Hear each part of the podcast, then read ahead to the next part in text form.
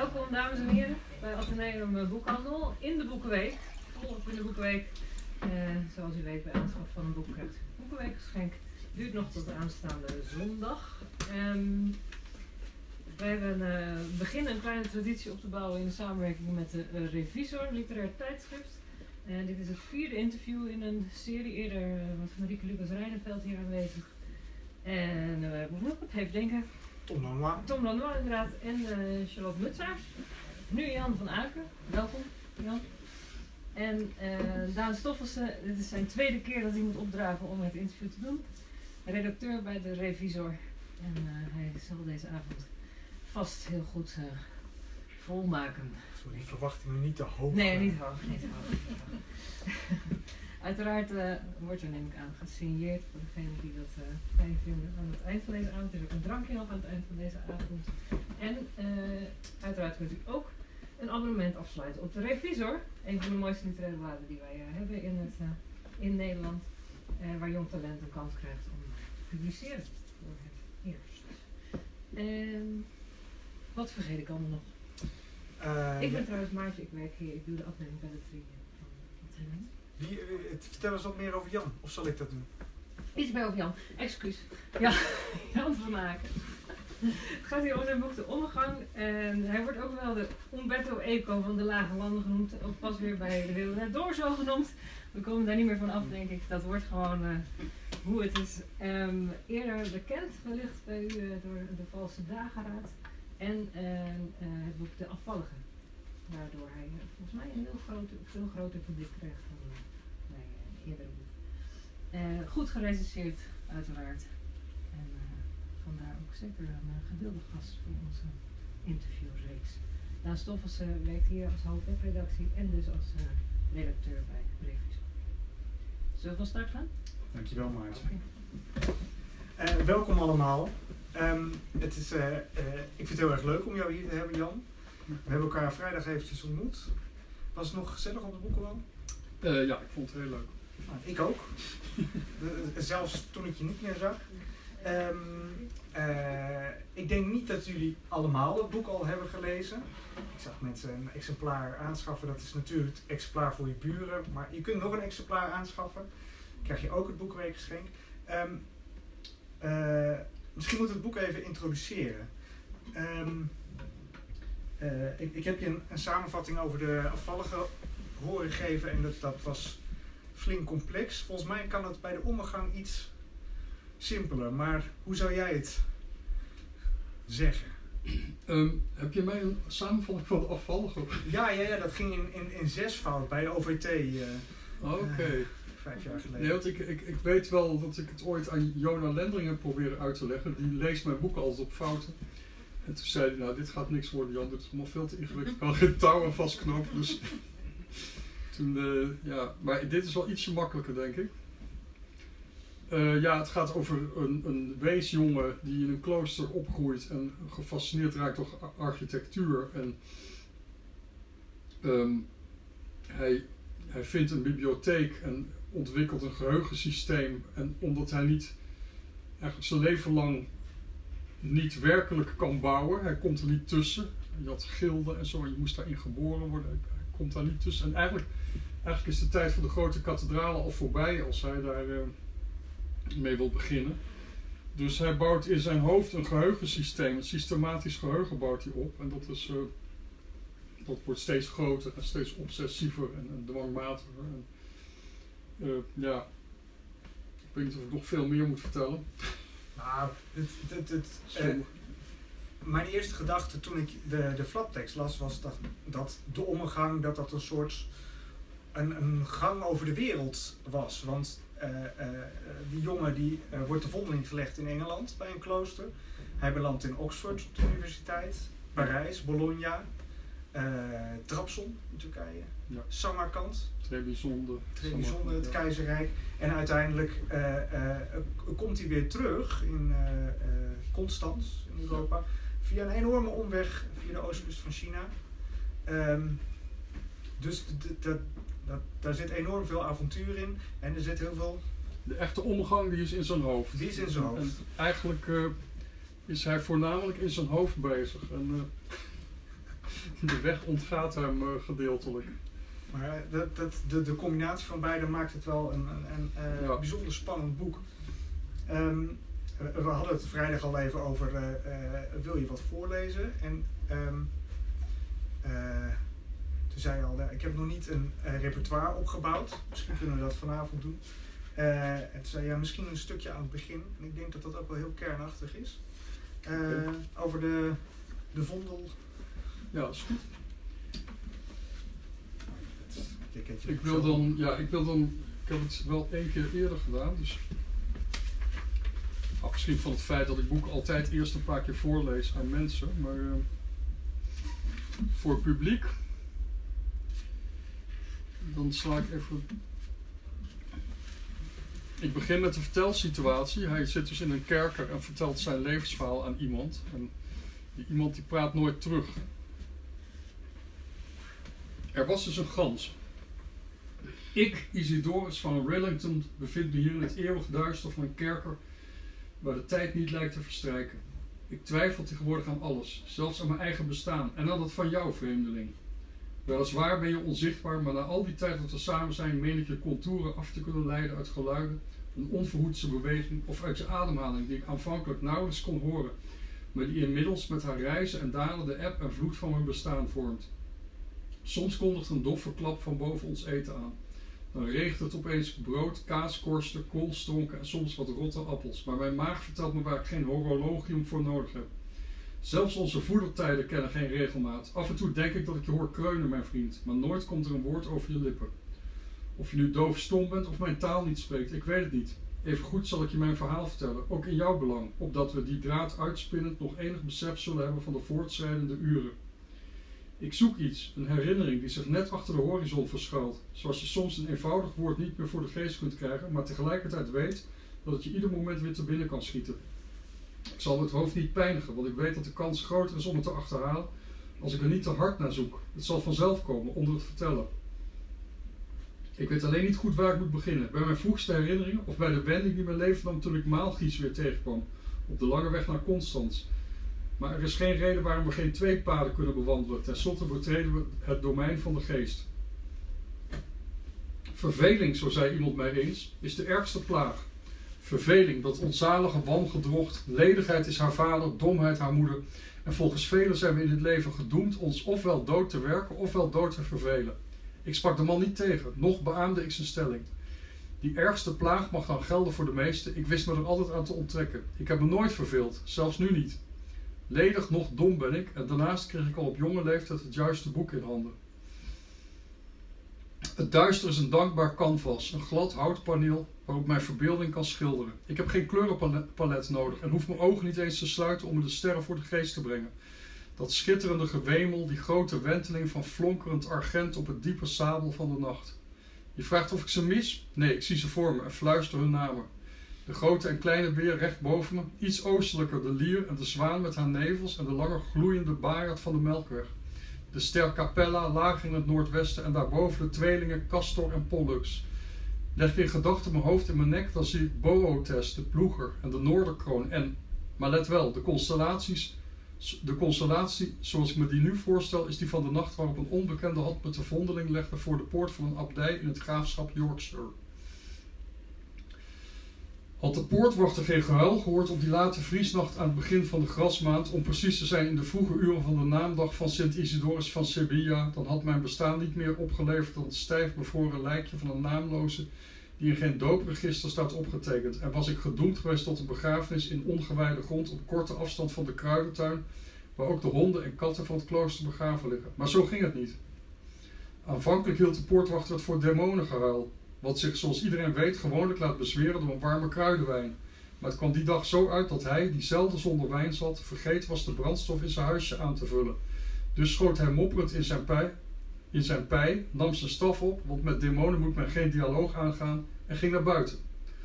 Omdat binnenspoorts niets te zien was, opende hij zuchtend en op alles voorbereid het poortluikje. Op het plankier dat in beter tijden ondersteuning had moeten bieden aan de wielen van ossenkarren, stond een oude turfmand die ogenschijnlijk gevuld was met turfmol.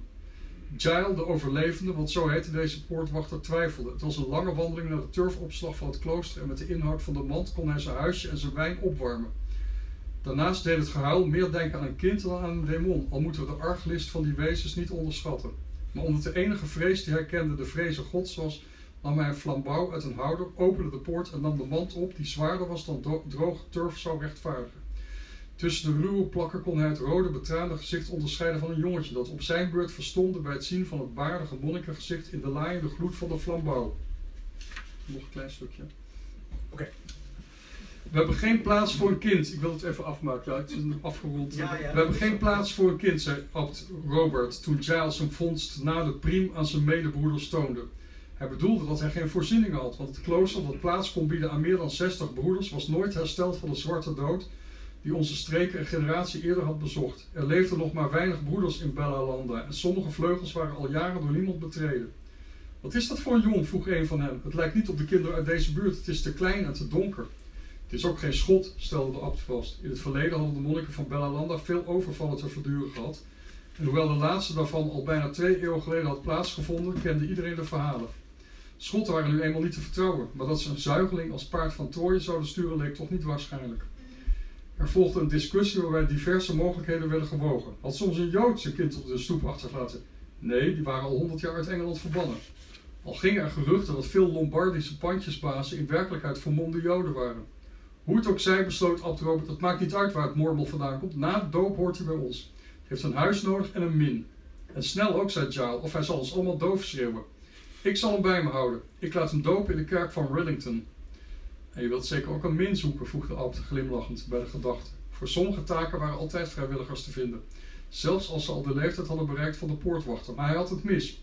Een geit geeft ook melk, zei Giles. Omdat niemand bezwaar maakte en de hemel tenslotte de vinder van de vondeling had aangewezen als verantwoordelijke, zou ik de jaren van mijn jeugd doorbrengen in de porterie, het poortwachtershuisje met belendende stal, waar altijd de geuren hingen van mest, turf, boeken en verschaalde wijngeest. Dankjewel. En dit is het begin. Hij, uh, hij, hij groeit op in dat klooster, leert daar dat geheugensysteem van zijn, van zijn opvoeder. Van zijn opvoeder. Um, dat is het begin van het boek, maar wat was voor jou het begin bij het schrijven? Wat was, als dit een kathedraal is, wat was de eerste steen of de eerste tekening? Um, nou, ik ga het toch nog even geven. Ja. nou, bij mij, uh, ja, het heeft bij mij altijd een beetje met technologie te maken. Want uh, ik, ik was uh, in de tijd dat ik begon met schrijven eigenlijk ook veel. Toen begon ik ook met computers en internet met heel veel enthousiasme. En, en zoals nu virtual reality een beetje een hype was, dat was in de jaren 90, begin jaren 90 was dat ook al zo. Alleen had je toen Amiga computers en die waren ver een tijd vooruit. En Windows computers, nou die bestond nog niet eens in die tijd geloof ik. Ik geloof dat dat net, net begon. Maar ik, ik, ik was ook bezig met de middeleeuwen te bestuderen en ik, ik, ik dacht een virtual reality ik probeer altijd alles te bekijken. Wat, zijn nu eigenlijk dingen zoals, uh, wat ik vaak gezegd heb, hè, dingen uit de technologie die, die er vroeger ook al waren, maar op een andere manier. En zo heb ik wel vaker gezegd dat, dat bijvoorbeeld de probatio penne in Nederland, hè, van Hebban Olla Vogala, dat, dat uh, die monniken stonden vroeger twee aan twee te schrijven. En, en dat is gevonden in de kantlijn van een geschrift. En ik, ik zat destijds als ICT'er met allemaal van die jonge collega's, die zaten in MSN de hele dag te chatten. En ik dacht, dit is gewoon een chatbox. Dit is, in de kantlijn zaten ze met elkaar te chatten. Ze mochten niet praten, die monniken. Dus de ene schrijft van de vogeltjes hebben nesten begonnen. En weet je wat, uh, of wat wanneer uh, jij en ik. Hè? En, nou, dan moet er dus ooit nog een boek opduiken waar in de kantlijn misschien wel staat van uh, kom vanavond bij me in de cel of zo. Weet je wel. Dus, en op die manier, toen ik de valse dagen had schreef, studeerde ik voor netwerkspecialist. en ik heb het systeem van de bibliotheken die gekopieerd werden, de bibliotheek in, in de stad Aken en de bibliotheek in Rome, die, die ik zag dus, ik, ik, leerde dus over netwerken waar pakketjes data voortdurend heen en weer gestuurd worden. Ik dacht, als je nou in plaats van pakketjes data monniken met boeken de hele tijd heen en weer stuurt tussen die twee steden. Nou ja, ik vond het wel een leuk idee. En ik, ik, ik, uh, nou ja, ik was uh, begon daar gewoon aan te schrijven. Eigenlijk heb ik in die jaren uh, verschillende boeken bedacht, ook dit boek. Uh, ik, ik, geloof dat ik dit heb bedacht toen ik op een PC dumpdag was in de rij en een brainmachine aan het uitproberen was. Dat gaf me een enorme ja, boost. Een brainmachine? Een brainmachine, ja, dat is een machine die heel snel flitst in je ogen en in je oren en zo. En waarmee je hersengolven naar een, heel snel naar een heel diep meditatief niveau kunt brengen. Okay. Nou ja, toen, uh, ik, ik, was daar heel enthousiast over destijds. Ik kocht er ook meteen een. En... Uh, ik ben toen verschillende dingen. Ik heb eerst een science fiction verhaal geschreven. Dat werd meteen mijn eerste gepubliceerde verhaal. Ik kreeg er 100 gulden voor. En dat ging over virtual reality. Dat was, als je het nu leest, dan denk je: hé, hey, dat is een voorloper van de Matrix. En, uh, allemaal veel gekopieerd. Ja, nou. Uh, maar dit was dus in feite, ik dacht, hoe, om even op dit boek terug te komen, dat is een hele omweg, maar ik dacht van hoe, hoe, werkt, hoe zou het werken als je een virtual reality doet in de middelen en je doet het in je hoofd, weet je wel. Ik heb natuurlijk als kind altijd al uh, heel erg uh, dingen opgebouwd in mijn fantasie hè? En, en, en, ben heel goed bekend met het, het, het, het, het geheugen als visualisatie als, locaties. Dus dat is eh, iets wat ook heel goed werkt. En uh, ja, het idee heeft er al 25 jaar uh, heb ik er niks mee gedaan. ik dacht dat het eigenlijk een kort verhaal zou worden, maar ik heb het altijd laten liggen. Of een novelle. Ik dacht twee jaar geleden nog dat het een novelle zou worden. En toen het aangekondigd werd, meer dan een jaar geleden, toen stond er volgens mij al bij de aanbieding dat 460 pagina's zou worden. Toen had ik al een ander idee. En nou ja, inmiddels. Uh,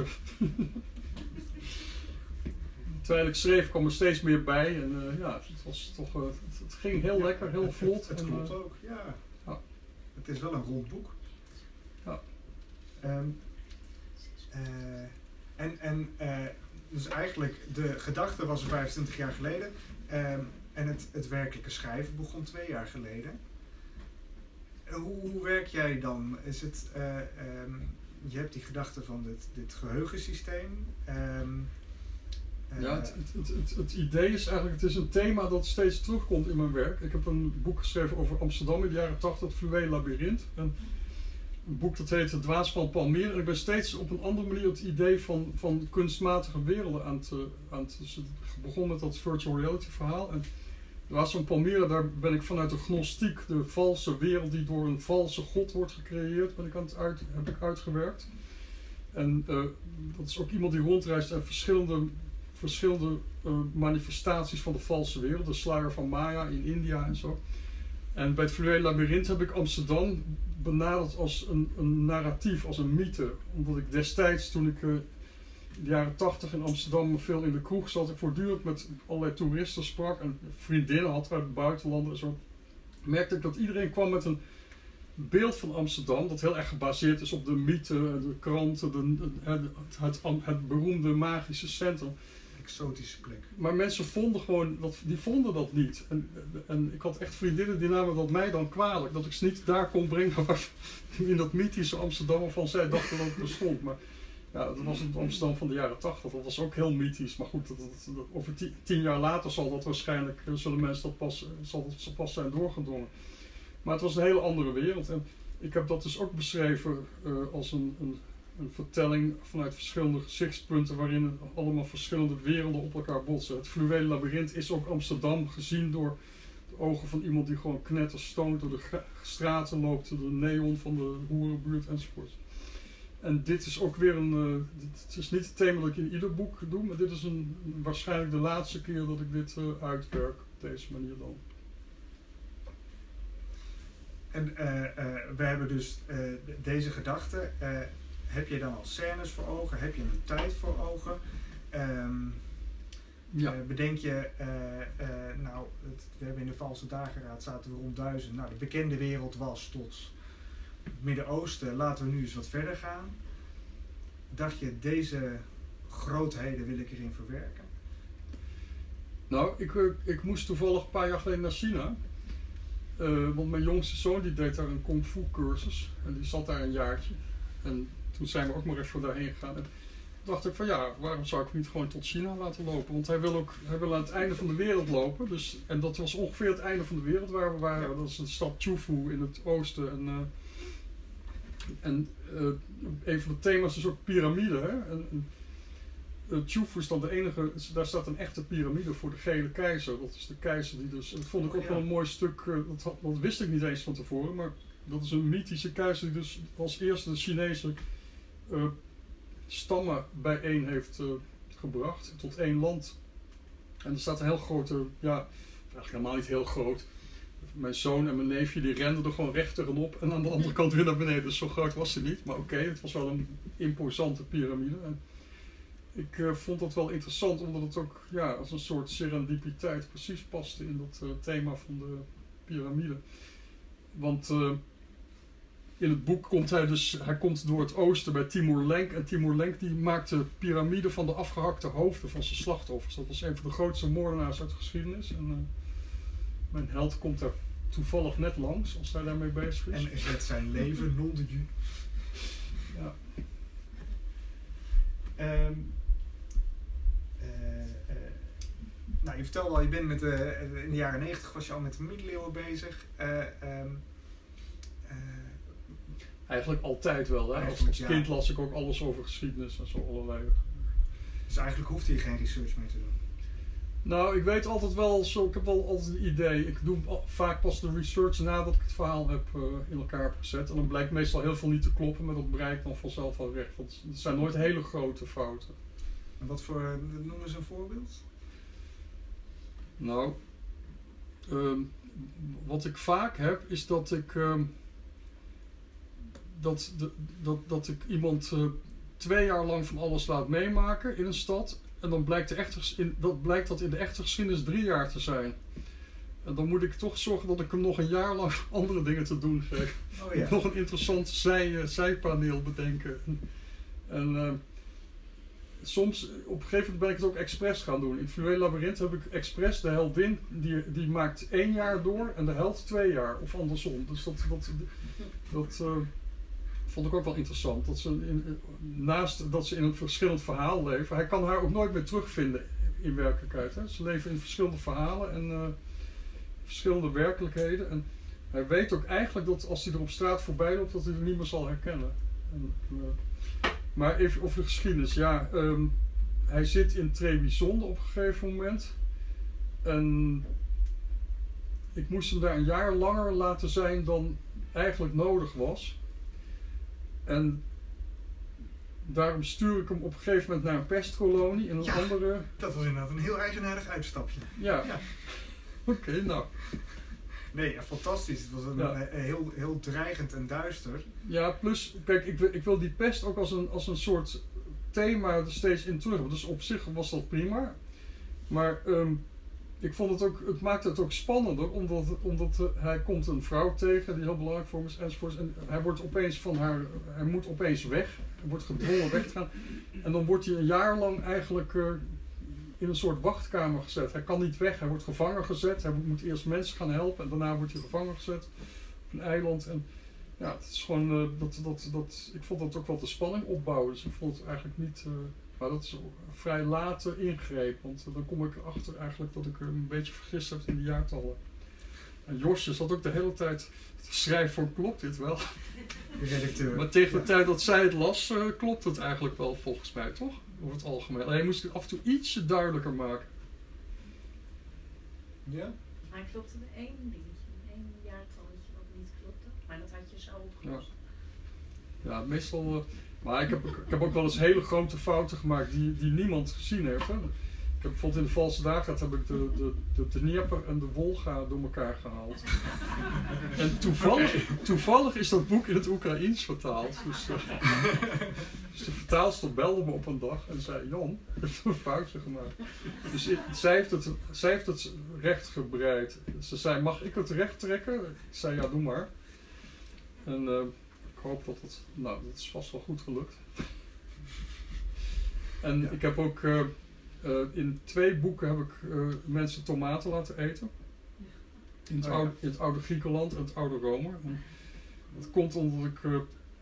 ja, heel veel in Griekenland ben geweest. En ik vind niks Griekser dan een Griekse salade. Maar daar zitten dus tomaten in. Ja, ik heb daar nooit bij, bij stilgestaan. Maar later ben ik dus in ieder boek een tomaat gaan verstoppen. Dat is een beetje net als in de ICT doe je dat ook. Hè? Als je een programma maakt, dan verstop je daar easter eggs in. Zodat Ja, je ja, ja. met een paar eh, toetsaanslagen heb je opeens een vluchtsimulator die verborgen zit in het programma of zo. Als je het, als je het weet te vinden.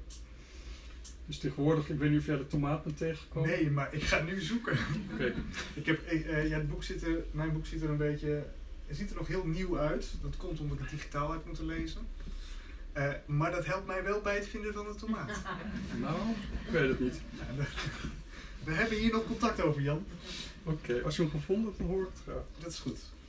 Ehm, eh, eh, in, in eerdere interviews die ik met je las of met je zag, heb je ook wel gezegd dat eigenlijk jouw ambitie lag in de science fiction. En, Ooit wel, ja. en ehm, sindsdien heb je inclusief eh, je Amsterdam roman eigenlijk historische romans geschreven. Ehm, eh, is een historische roman nou heel erg anders dan een gewone roman? Dat, dat, eh, Ja, ik vind, eh, ik vind het moet in elk geval wel. De intrige, de plot moeten wel echt iets met de geschiedenis te maken hebben. Het moet niet iets zijn dat in iedere tijd zou kunnen spelen. Dus, dus dat is. eh, Kijk, eh, in de afvallige daar draait het uiteindelijk om.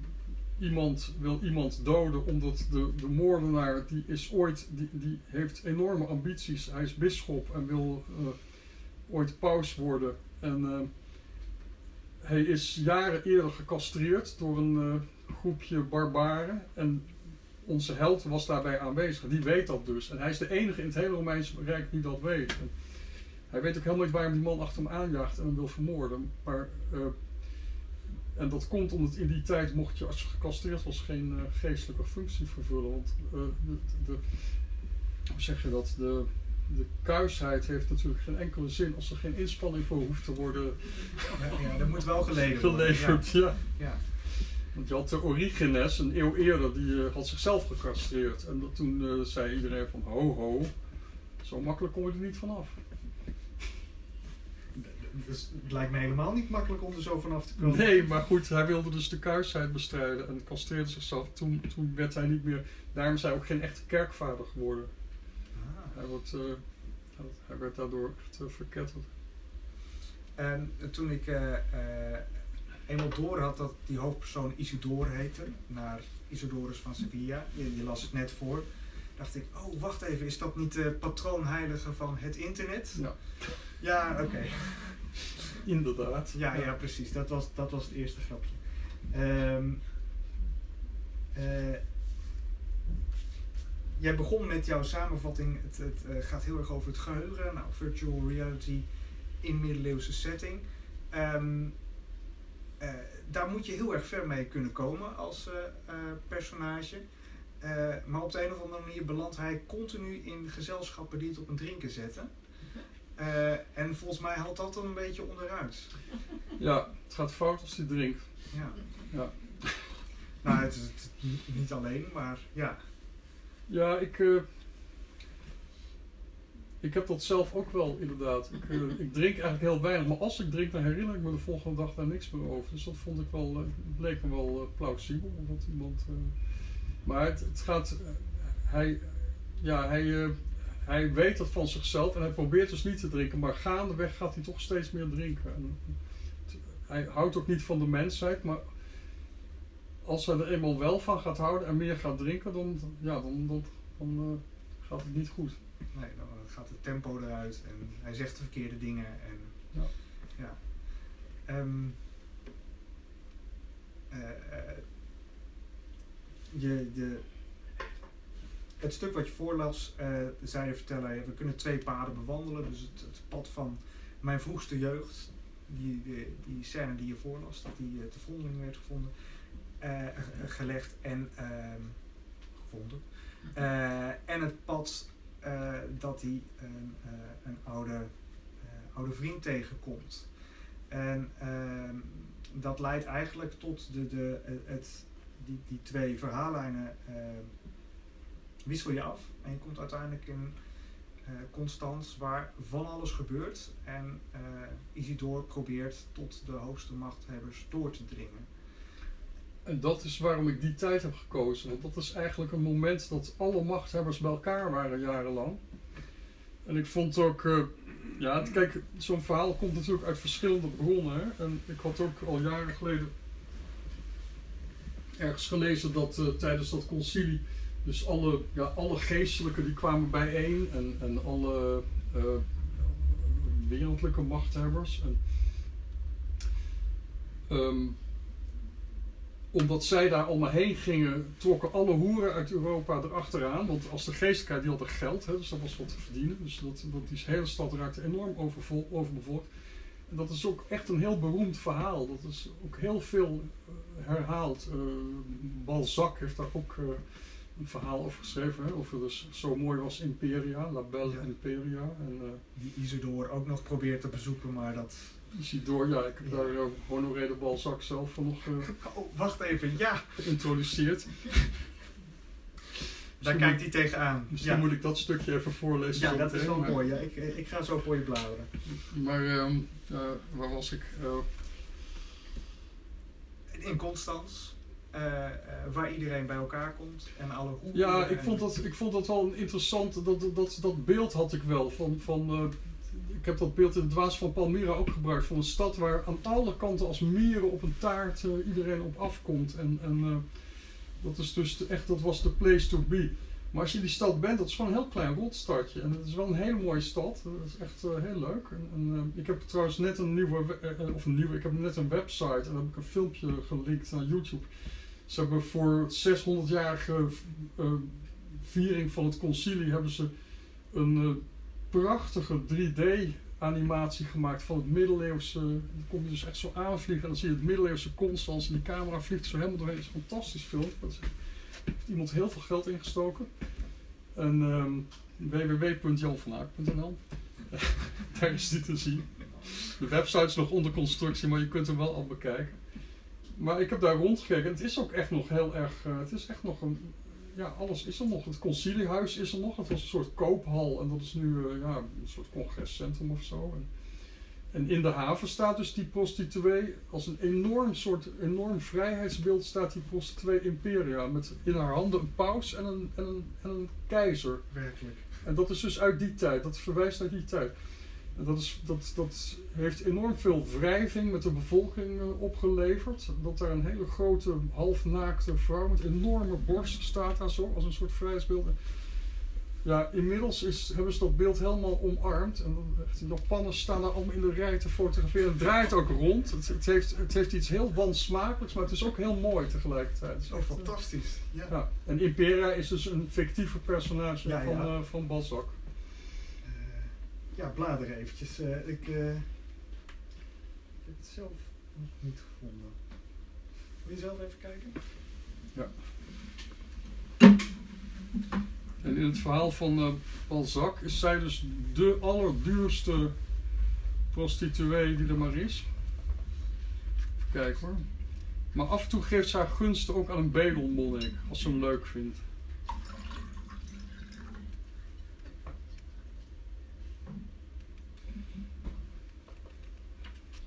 Kan wel even duur voor die vindt hoor.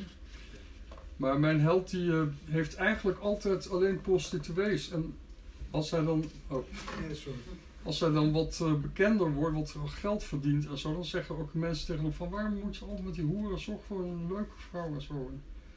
Maar dan denkt hij van ja, aangezien ik nu toch het kan, me kan veroorloven, ga ik dan meteen maar naar de allermooiste eerst nog even. Dat is Imperia. Kijk, het is aan het einde van een hoofdstuk volgens mij. Ja. Ehm, dat zegt Poggio Brazzolini, die zegt dat tegen dat hij maar eens... eh, en eh Poggio Brazzolini, dat is een van de, van de humanisten die overal manuscripten in bibliotheken ging zoeken en die eh, ging transcriberen. Heeft enorm veel boeken teruggehaald die... maar hij claimt veel meer boeken te hebben teruggehaald dan, dan in werkelijkheid, dus daar spot ik een beetje mee. Uh, suggestie bleef ondertussen aan me knagen. En zo kwam er een dag dat ik moe van de zieken die aan me voorbij trokken verlangde naar de spanning van een volmaakte vrouw. Waarom zou ik niet genieten van de vleespotten van deze stad? Ik wist inmiddels waar de beroemde Imperia haar gasten ontving. Ik stuurde Hilde om een afspraak te maken. Ze keurde me geen blik waardig en vertrok om mijn opdracht uit te voeren. Ze kwam terug om de afspraak te bevestigen voor die avond en kondigde meteen op ijzige toon haar vertrek aan. Ik ben een fatsoenlijk meisje, zei ze. Als u een koppelaarster nodig hebt, dan zoekt u maar een ander. Ik riep Stislav en vroeg hem haar te betalen en op zoek te gaan naar een ander meisje. Toen het tijd was, vulde ik mijn beurs met een vorstelijk bedrag in goud, al vertrouwde ik erop dat ik dat niet nodig zou hebben. Op de afgesproken tijd kwam ik aan bij het huis van Imperia en liet me aankondigen door een dienstmaagd die de kamer van de courtisane inging en terugkerend mij blozend vertelde dat ik verder mocht komen. Ging de trap op, geamuseerd door de verlegenheid van het meisje en de ironie van Imperia die een jonge maagd als portier had aangenomen. Of was het allemaal schijn, zoals alles in haar wereld? Ik opende de deur, maar bleef in de deuropening staan. In plaats van een verrukkelijke vrouw die me opwachtte in haar zijde kussens en bontvellen, keek ik uit op de rug van een dikke man die gekleed in niets dan een wijd openhangend hemd de beroemde hoer aan het neuken was. Zij steunde luid en omklemde zijn heupen met haar lange benen. De man stopte niet bij mijn binnenkomst, maar keek over zijn schouder en riep in het Frans: Entrez, mon ami, en help me met deze woeste merrie. Zijn bolle gezicht glom van het zweet en toen hij zijn hoofd weer naar Imperia zwaaide, vlogen de druppels uit zijn snor. De vrouw kwam op één elleboog overeind, stak haar nek uit om langs de brede gestalte te kijken en ze zei eveneens in het Frans: Allez, venez, Isidore. Ik wierp nog één huiverende blik op de grote balzak die in een venijnig ritme tegen de billen van Imperia sloeg en bedankte toen met een tres honoré, madame. Ik kom wel een andere keer terug. Op weg naar huis probeerde ik het beeld uit mijn hoofd te krijgen, maar het bleef me nog lang bij. Zo gaat dat met het natuurlijk geheugen. Je kunt het niet beheersen. Mooi. Um, uh, wat ik me afvroeg toen je vertelde over uh, Constans uh, nu, is die kathedraal er nog gekomen? ja, die kathedraal was er al, maar die is een paar keer herbouwd. Hè? Dus, um, en, maar, maar Isidore had een veel grotere kathedraal voor ogen. Ja, die wilde de hele stad eigenlijk wegvagen en er een uh, kathedraal van maken. Een soort enorme Sint-Pieter. Maar uh, dat, dat, nee, het, het, het, kijk, de, hij, hij gaat dus samenwerken met de bisschop van Constans. En de bisschop die was uh, een epilepticus. En dat was hij in het echt ook, dus het kwam mooi uit. Um, en um, samen maken ze grote plannen. Maar in werkelijkheid had die bisschop enorme schulden. En ook in het boek trouwens.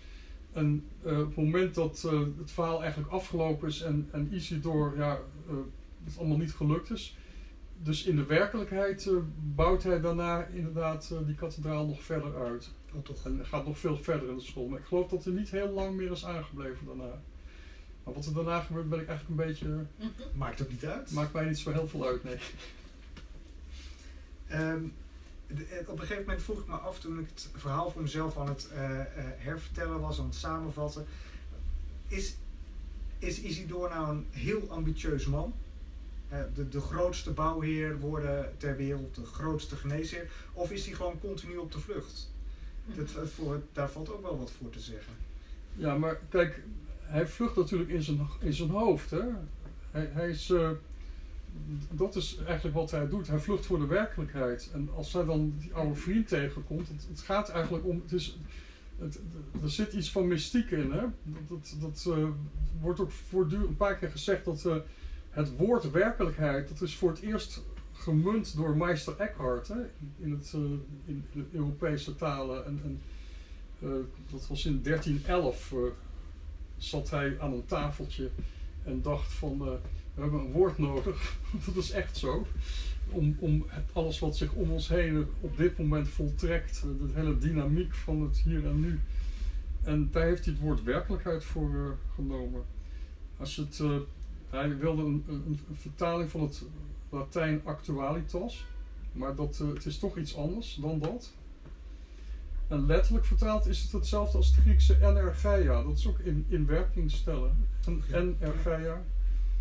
Uh, maar goed, dat was uh. Dat was het voor het eerst dat dat woord uh, werd gebruikt. En eigenlijk is dat het meest mystieke van alles, is, is de werkelijkheid. Dat, dat leer je ook als je vipassana meditatie doet of zo. Continu in de werkelijkheid te zijn. En, en eigenlijk is niemand daar ooit in. eigenlijk wat hij doet, die omgang, dat is wat we allemaal hebben. We leven voortdurend in een soort gedachtenstroom tussen heden en verleden. En het, het werkelijke moment, daar zijn we nauwelijks of niet. Dat, dat, dat proeven we eigenlijk vrijwel, vrijwel nooit. Dus dat, eh, Maar hij lijkt het wel gevonden te hebben op enig moment. op enig moment vindt hij het, ja. Ja, Maar, eh, hij behoudt het niet. nee. Ehm, Ik herinner me trouwens dat Hans, die daar zit, jij was toch degene die ook zo'n Vipassana meditatie had gedaan? Ja. Ja, daar moest ik net aan denken, want eh, bij jou werkte het niet. Hans die, die vertelde mij dus, jaren geleden vertelde hij me van, ik heb tien dagen zitten mediteren en ik heb niet het licht gezien, maar ik heb wel drie complete romans bedacht. Ik dacht, fuck, ik hoef het licht niet zo nodig te zien, maar als ik in tien dagen drie complete romans kan bedenken, dan eh, ga ik dat ook doen. Ik heb het dus ook gedaan. maar niet Oké. drie complete romans. Had nee, ik nog- zag het licht. Ah, kijk. Geen romans helaas. Vond ik ook een van de mooie dingen die, die, eh, die Poggio, de, de, de, de, die, die Italiaan, Giorgio Bracciolini, ja. die had, eh, eh, die, die, die vindt dus manuscripten die onze hoofdpersoon al lang in zijn hoofd heeft. Dat een, Ja, dus we zitten op de, de, de, de, het randje van de renaissance. Ja kijk, Giorgio Bracciolini was een beetje een ijdeltuit. Die, eh, die mensen hebben heel veel betekend. Dat was gewoon zo'n zo'n groepje Italianen. Het was eigenlijk al honderd jaar bezig, hè, die, die, humanisme. Eh, kijk, hij claimde dat hij Vitruvius gevonden had. Eh, maar Vitruvius is, was daarvoor al bekend in Europa. Dat was ook in de, volgens mij in de Carolingische tijd zelfs al toch wel mensen hadden daarvan gehoord, hadden dat gelezen. Hij beweert dat hij, wie was nou, eh, Lucretius had gevonden. Nou, dat is een heel sterke aanwijzing dat Boccaccio veel eerder ook al eh, Lucretius gelezen heeft. En Poggio Bracciolini ja, heeft dus heel veel gevonden, maar niet alles wat hij beweert. En hij had ook een, een, een, had ook een handeltje. Hè? Hij verdiende daar ook goed mee met afschriften maken. En ik suggereer zelfs, en dat is wel eens gesuggereerd, maar ik geloof dat niet echt. Ik suggereer zelfs dat hij een aantal eh, eh, eh, toespraken van Cicero zelf verzonnen heeft. Als iemand dat had gekund in die tijd, was hij dat zelf geweest. Maar ik hoop niet dat ik hier heel erg. zit hier een medievisten. Maar dat, dat is niet een, echt een, een, een, gangbare theorie meer, hè? dat hij zelf dingen verzonnen heeft, toch? Het is renaissance, hè? dat is net na jouw tijd natuurlijk. Ik had op eh, enig moment ook gewoon het gevoel dat die Isidore een heel modern mens was. Maar ja, hij staat wel overal buiten. Maar feitelijk, dit is een renaissance man. Ja, en hij is ook een atheïst. En, en, en eigenlijk eh, zijn vrijwel altijd, ik geloof dat ze altijd mijn helden atheïst zijn. Maar ik denk ook dat Heel in, alle, dat in alle tijden heel veel mensen atheïsten zijn. Die in tijden dat het niet kan, maar je kunt dat niet zeggen.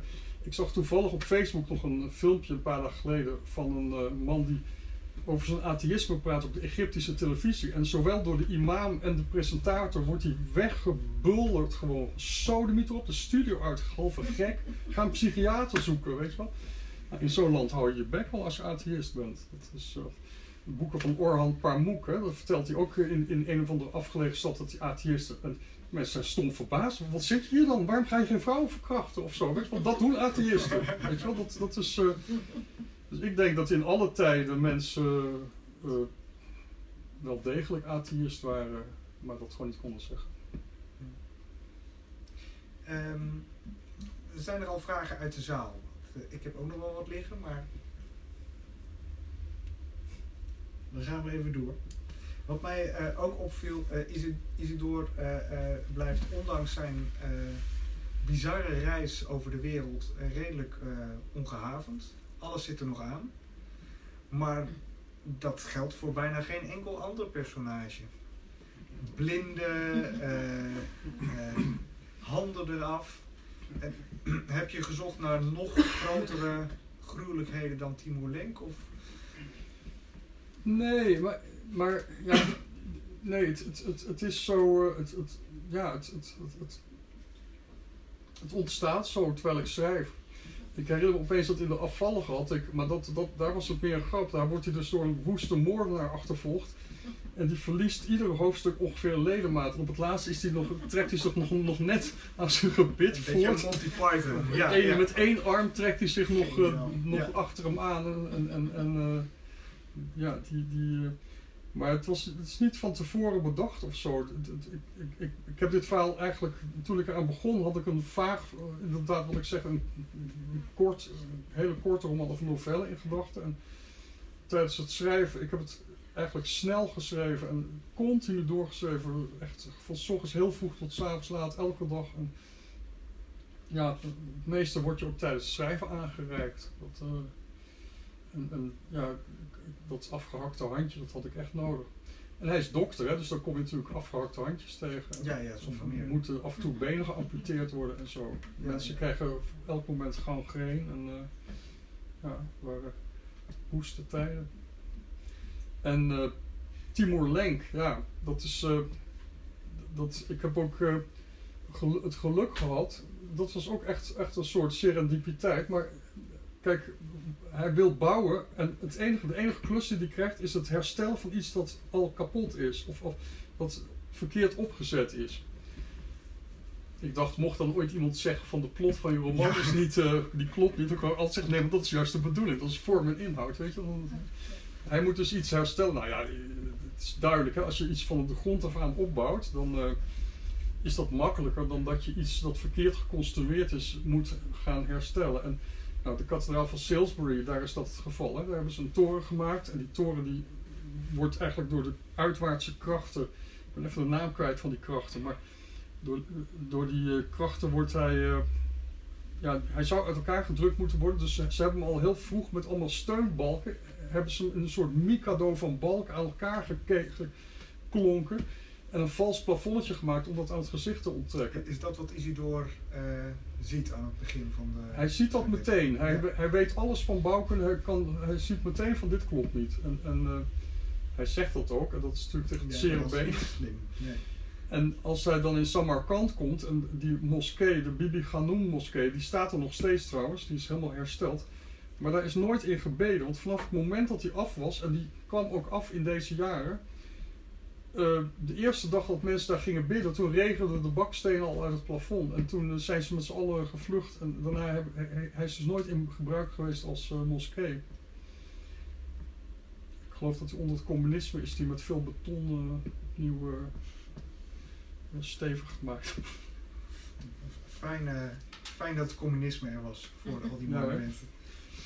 Maar Timur Lenk, die, uh, als alle berichten waar zijn van zijn tijdgenoten, en dat zijn, dat zijn zowel westerse als, als oosterse berichten, dan heeft hij het grootste bloedbad op één dag aller tijden aangericht voor de poorten van Delhi. Ik ben even kwijt of het nou een half miljoen was of een heel miljoen mensen. Maar dat is dus nog een stuk meer dan in bijvoorbeeld Babi Yar in de Oekraïne tijdens de Tweede Wereldoorlog of zo. Dus voor zover ik weet het grootste bloedbad aller tijden. En hij, um, hij, doet mij ook een beetje denken aan de, de moderne jihadisten. Hij had een, een, een, lang leven waarin hij eigenlijk niets aan de islam deed, maar wel heel veel misdaden pleegde. En op het laatst werd hij een soort, nog een soort uh, strijder voor het geloof om eigenlijk uh, boete te doen hè? En, en, het paradijs nog te verdienen vlak voor zijn dood, want hij is nog behoorlijk oud geworden. En, waardoor hij nog veel meer ging moorden. Om, om nog eventjes snel uh, dat paradijs in te kunnen gaan. Weet je. Dus dat uh, ja, was een jihadist. Dus eigenlijk gaat jouw boek ook weer over deze tijd. Nou ja, nee, dat is nooit eigenlijk mijn uh, idee om een boek over. Ik, heb nooit echt een link, maar die links die komen er vanzelf natuurlijk. Hè. Dat, ja, precies. Dat is, kijk, mijn vorige boek, mijn vorige boek dat, dat heb ik ook al begin jaren 90 verzonnen. En daar komt een enorme vluchtelingencrisis. Maar ja, toen dat boek uitkwam, toen waren er hele grote vluchtelingencrisis gaande. En, en dat kon ik toen ook nog niet weten. Maar dat, dat, was, dat, dat kwam, kwam zo goed uit, misschien. Of, of Werkelijkheid. Werkelijkheid. Dat, nog één ding. Uh, en nog één ding. In, en in, in, nog één ding. Nee, wat, wat nog frappanter was, mijn vorige boek was ook, ook al. Uh, want ik heb daar dus 23 jaar tussen van het begin tot het einde.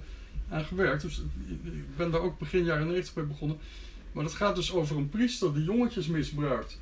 En dat is dus in de, loop, in de loop van de tijd dat ik dat schreef, begon dat pas. Maar dat was ook in het begin al het idee van een, een soort uh, goede herder die jongetjes opvangt van straat en ze vervolgens laat, uh, grof laat betalen voor zijn uh, zorgen. Dus, ja, soms, uiteindelijk gebeurt alles gewoon opnieuw, neem ik aan. Ja. Um, behalve de, de drank en de vrouwen heeft Isidore nog één grote zwakte. En dat is uh, varen. En dat, dat vond ik wel een uh, geestige gimmick dat eigenlijk uh, dat hij dat toch nodig had om zijn doelen te bereiken. En ook om, om weer terug te keren. Ja. Waarom, waarom lezen we niet meer over China? Heeft de uitgeverij gezegd, ja, er kan niet nog 200 pagina's bij als je ook over China vertelt? Nee. Bij eerdere boeken heeft Annette wel gezegd, en nu is het uit, dat doe je maar in je volgende boek. Maar dat is al heel lang geleden. Um, nee, ik vond het, ik vond het, ja, kijk, het is natuurlijk ook een leuke truc, hè, dat, ja. dat, dat, maar ik ga hem niet verklappen, want is, dat nee. een spoiler. Nou, het is net als dat ik in de valse dag gaat, zit hij op zijn honderdste, zit hij dat verhaal te schrijven. En hij vertelt het ook, iemand leest mee en dan stopt het verhaal als hij 40 is en dan zegt die ander, ja, en toen? Toen niks, daarna is er nooit meer wat gebeurd. Iedereen voelt zich dan zo bekocht, maar, maar ondertussen ben ik al heel veel jaren bezig met een tweede deel en er zijn wel degelijk dingen gebeurd, maar ik heb ook een derde deel al in mijn hoofd. Dat uh, moet nog, dat moet nog, uh, duurt nog wel even. Tijd van leven. Ja. Uh, en, ja, ik heb wel besloten om niet meer zo lang over boeken te doen, want wat je zegt, ik, ik, ik heb verschillende boeken halverwege en ik heb altijd zo gewerkt dat ik inderdaad decennia over boeken doe. En dat is natuurlijk, ja, ik, ik wil niet op een dag doodgaan en dat ik tien boeken half af heb, weet je wel. Dus dat uh, lijkt me niet is, handig. Dat, dat, is moeilijk postuum uit te Dus ik ben nu gewoon, ik ga nu één voor één ga ik die boeken afmaken, want... Uh, en uh, je vertelde me dat je nu even mocht pauzeren van jezelf, maar wat is het eerstvolgende project? Mogen we daar al iets over weten? Dat, gaat, dat speelt rond de moord op Floris de Vijfde. En dat wordt niet heel groot. En dat hoeft niet, hoeft niet je heel lang. het zelf zeggen. Nou, ik heb, het ooit als, ik heb ooit een speelfilm geschreven en daar niks mee gedaan. Dus die ga ik. Uh, daar ga ik uh, maar er komt wel meer bij hoor, dus je, je weet het niet. Maar dat, dat is, ik denk dat dat mijn volgende project wordt. Oké. Okay. Um, zijn er inmiddels uh, vragen uit de zaal? Of zegt u, we gaan het eerst allemaal lezen en herlezen? Nog mag ik vragen? Ja. Ik, uh, ik, heb, ik heb nog niks van je gelezen, dat ga ik waarschijnlijk binnenkort doen, maar meegenomen hier naartoe. Maar ik, ik hoor net dat, dat je opgeleid bent als ICT'er. En is dat de manier van denken die ook je manier van schrijven beïnvloedt? Bijvoorbeeld, een soort systematiek die je hebt? Of, uh, ik, ik, herhaal het eventjes voor de, voor de opname. Al is het denken als ICT'er, beïnvloed je dat als schrijver? Want zo ben je opgeleid. Nou ja, nou Um, zo ben ik opgeleid, is ook weer een beetje te veel gezegd, want ik was al vrij oud toen ik daarmee begon. Ik was meer een hobbyist. En um, ik geloof dat ik toen, ik toen ik echt die opleiding deed, was ik al tegen de 40, denk ik. Of niet? Nou. Ik heb het niet zo goed in mijn hoofd. Maar ik denk, ik denk dat het een beetje gelijk opging. Maar ik, ik ben niet een programmeur. Ik denk dat een programmeur heel systematisch moet denken. Maar een netwerker, dat is meer met diagrammen. En, en, en ja, ik, ik, heb, ik heb vooral gewerkt als troubleshooter in netwerken en in, in gebruikersomgevingen en zo. Ik ben ook op mijn veertigste al gestopt. Ik heb eigenlijk, uh, ik denk, ja, ik, ik, ik, even kijken. 2, 3, 4, 5, 6. Ik ben op mijn 36e begonnen als ICT, op mijn 40ste gestopt. Toen zei iedereen, iedereen begon me opa te noemen voor het werk en zo. En toen had ik mijn eerste boek dat goed ging verkopen. Toen dacht ik van ja, weet je, als schrijver was ik toen nog een jong talent. En uh, als ICT'er was ik al een opa. Dus. en, en toen kreeg je die internetbubbel die barst. En, en kon ik opeens nergens meer werk krijgen op mijn leeftijd. Weet je wel. Dus dat, uh, ja. ik dacht dan word ik maar schrijver. Kunt u misschien nog iets meer zeggen hoe komt aan uh, de, de pas passie voor historische thema's. Hoe je aan je passie komt voor historische thema's. Ja, ja, ja. Ehm, nou, ik, ik las natuurlijk als kind heel veel. Eh, ik moet zeggen dat ik, ik lees eigenlijk nooit echt historische romans tegenwoordig, maar als kind wel heel veel. Ik las heel veel over geschiedenis. Heel veel favoriete boeken natuurlijk. De Scheepsjongens van Bondkoen, Marijn bij de Lorendraaiers. Dat werd Ja. ooit beschouwd als het beste Nederlandse kinderboek. Ehm, en mijn vader die was heel bang, want wij woonden op Aruba. Mijn vader die was, die vond dat, dat ik moest eh, altijd heel hard bijleren van hem. Omdat hij bang was dat ik in Nederland niet zou kunnen meekomen. Op een of andere manier. Dus hij nam altijd, hij was onderwijzer, hij nam altijd geschiedenis. eh, hij, we hadden heel veel geschiedenismethoden in huis. Stapels geschiedenisboeken. Maar ik vond dat eigenlijk nog niet genoeg, dus ik kocht ze zelf ook. Want je kon altijd achter in de klas lagen allemaal oude methodes uit de jaren 40, 50 en zo. Die mocht je dan kopen voor een dubbeltje. Dus ik kocht alles, wat ik kon vinden aan geschiedenis. Dat las ik allemaal. Dus eh, daarom eh, weet ik ook altijd heel goed te vertellen dat het, feit dat iedereen zegt van ja, in Nederland wordt het slavernijverleden verdoezeld, dat dat complete bullshit is. Ik had je op mijn tiende al alles kunnen vertellen over het Nederlandse slavernijverleden. Ik heb zelfs nog een keer een onderzoekje gedaan naar boekjes uit de jaren vi- 50 en 60. Er werd echt overvloedig over gesproken. Dus eh, misschien dat het later niet meer, in de jaren 70 vonden ze het misschien niet meer zo interessant of zo. Maar toen was het ook weer een stuk langer geleden. Hè? Toen ik jong was, was het nog niet zo heel lang geleden. Maar ja, nou, op die manier een beetje. Ik las altijd geschiedenisboeken voor mijn lol. En eh, dat was ook fijn, want toen ik in Nederland kwam, toen had ik al, eigenlijk al zoveel gelezen dat ik niks meer hoefde te doen voor geschiedenis. Ik hoefde zelfs niet meer te lezen. Ik wist het allemaal al. Dus het heeft je nooit aangedreven om uh, geschiedenis te gaan studeren. Academie bedoel ik. hè? Ehm, ja, ik wilde wel studeren, maar ehm, nou, als u mijn boek over de jaren 80 leest, dan komt u erachter hoe- waarom dat niet gelukt is. Welke is dat? Het fluwele labyrint, die ligt er niet bij, maar die is in de Ramspad. Dat staat er allemaal in. Ja, ja, ja. Dat staat er allemaal in. Nee, ik, eh, ik, het, het, ik, ik ben niet gaan studeren omdat ik op mijn negentiende vader werd van die knappe jonge man die daar zit. En eh, dat is eh één van de redenen. En de andere reden is dat ik ja, nogal, ik kwam in Amsterdam wonen en, en ben nogal hevig gaan eh partyen hier. En dat heeft ongeveer tien jaar geduurd of zo. Dus, eh, Niet samen. sorry? Dat ging niet samen. Nee, nou, ik, ik, ik wilde eigenlijk ieder jaar nam ik me voor om het komende schooljaar ga ik studeren. En op een dag zeiden ze van, ja, u bent nou te oud voor studiefinanciering. Dus dat, eh, shit. Maar het was wel geschiedenis wat u wilde gaan studeren. Nou, dat had ik wel gewild. Of Nederlands of zo. Dat, dat- ja. Maar achteraf ben ik blij dat ik niet ben gaan studeren, want dan was ik geen romans gaan schrijven. En dat vind ik eigenlijk veel Ja, ja, leuker. ja. Dat-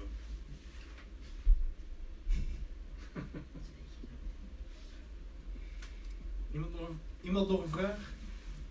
Nou, dan, dan wil ik voorstellen dat we eh, eh, wat gaan drinken. En Jan, wil jij signeren voor de mensen? Ehm, als u, eh, dit, dit is georganiseerd door Atheneum eh, in samenwerking met Revisor. Als u abonnee wilt worden, dan kan ik u van harte aanbevelen. Dan kunt u zich eh, bij die computer daar inschrijven en krijgt u meteen het huidige nummer en het welkomstgeschenk mee. En de factuur komt dan later. Dat, dat, dat, we weten altijd dat 40 euro is, dus dat, daar hoeft u niet van te schrikken. Eh, dank u wel voor uw aandacht en fijne avond.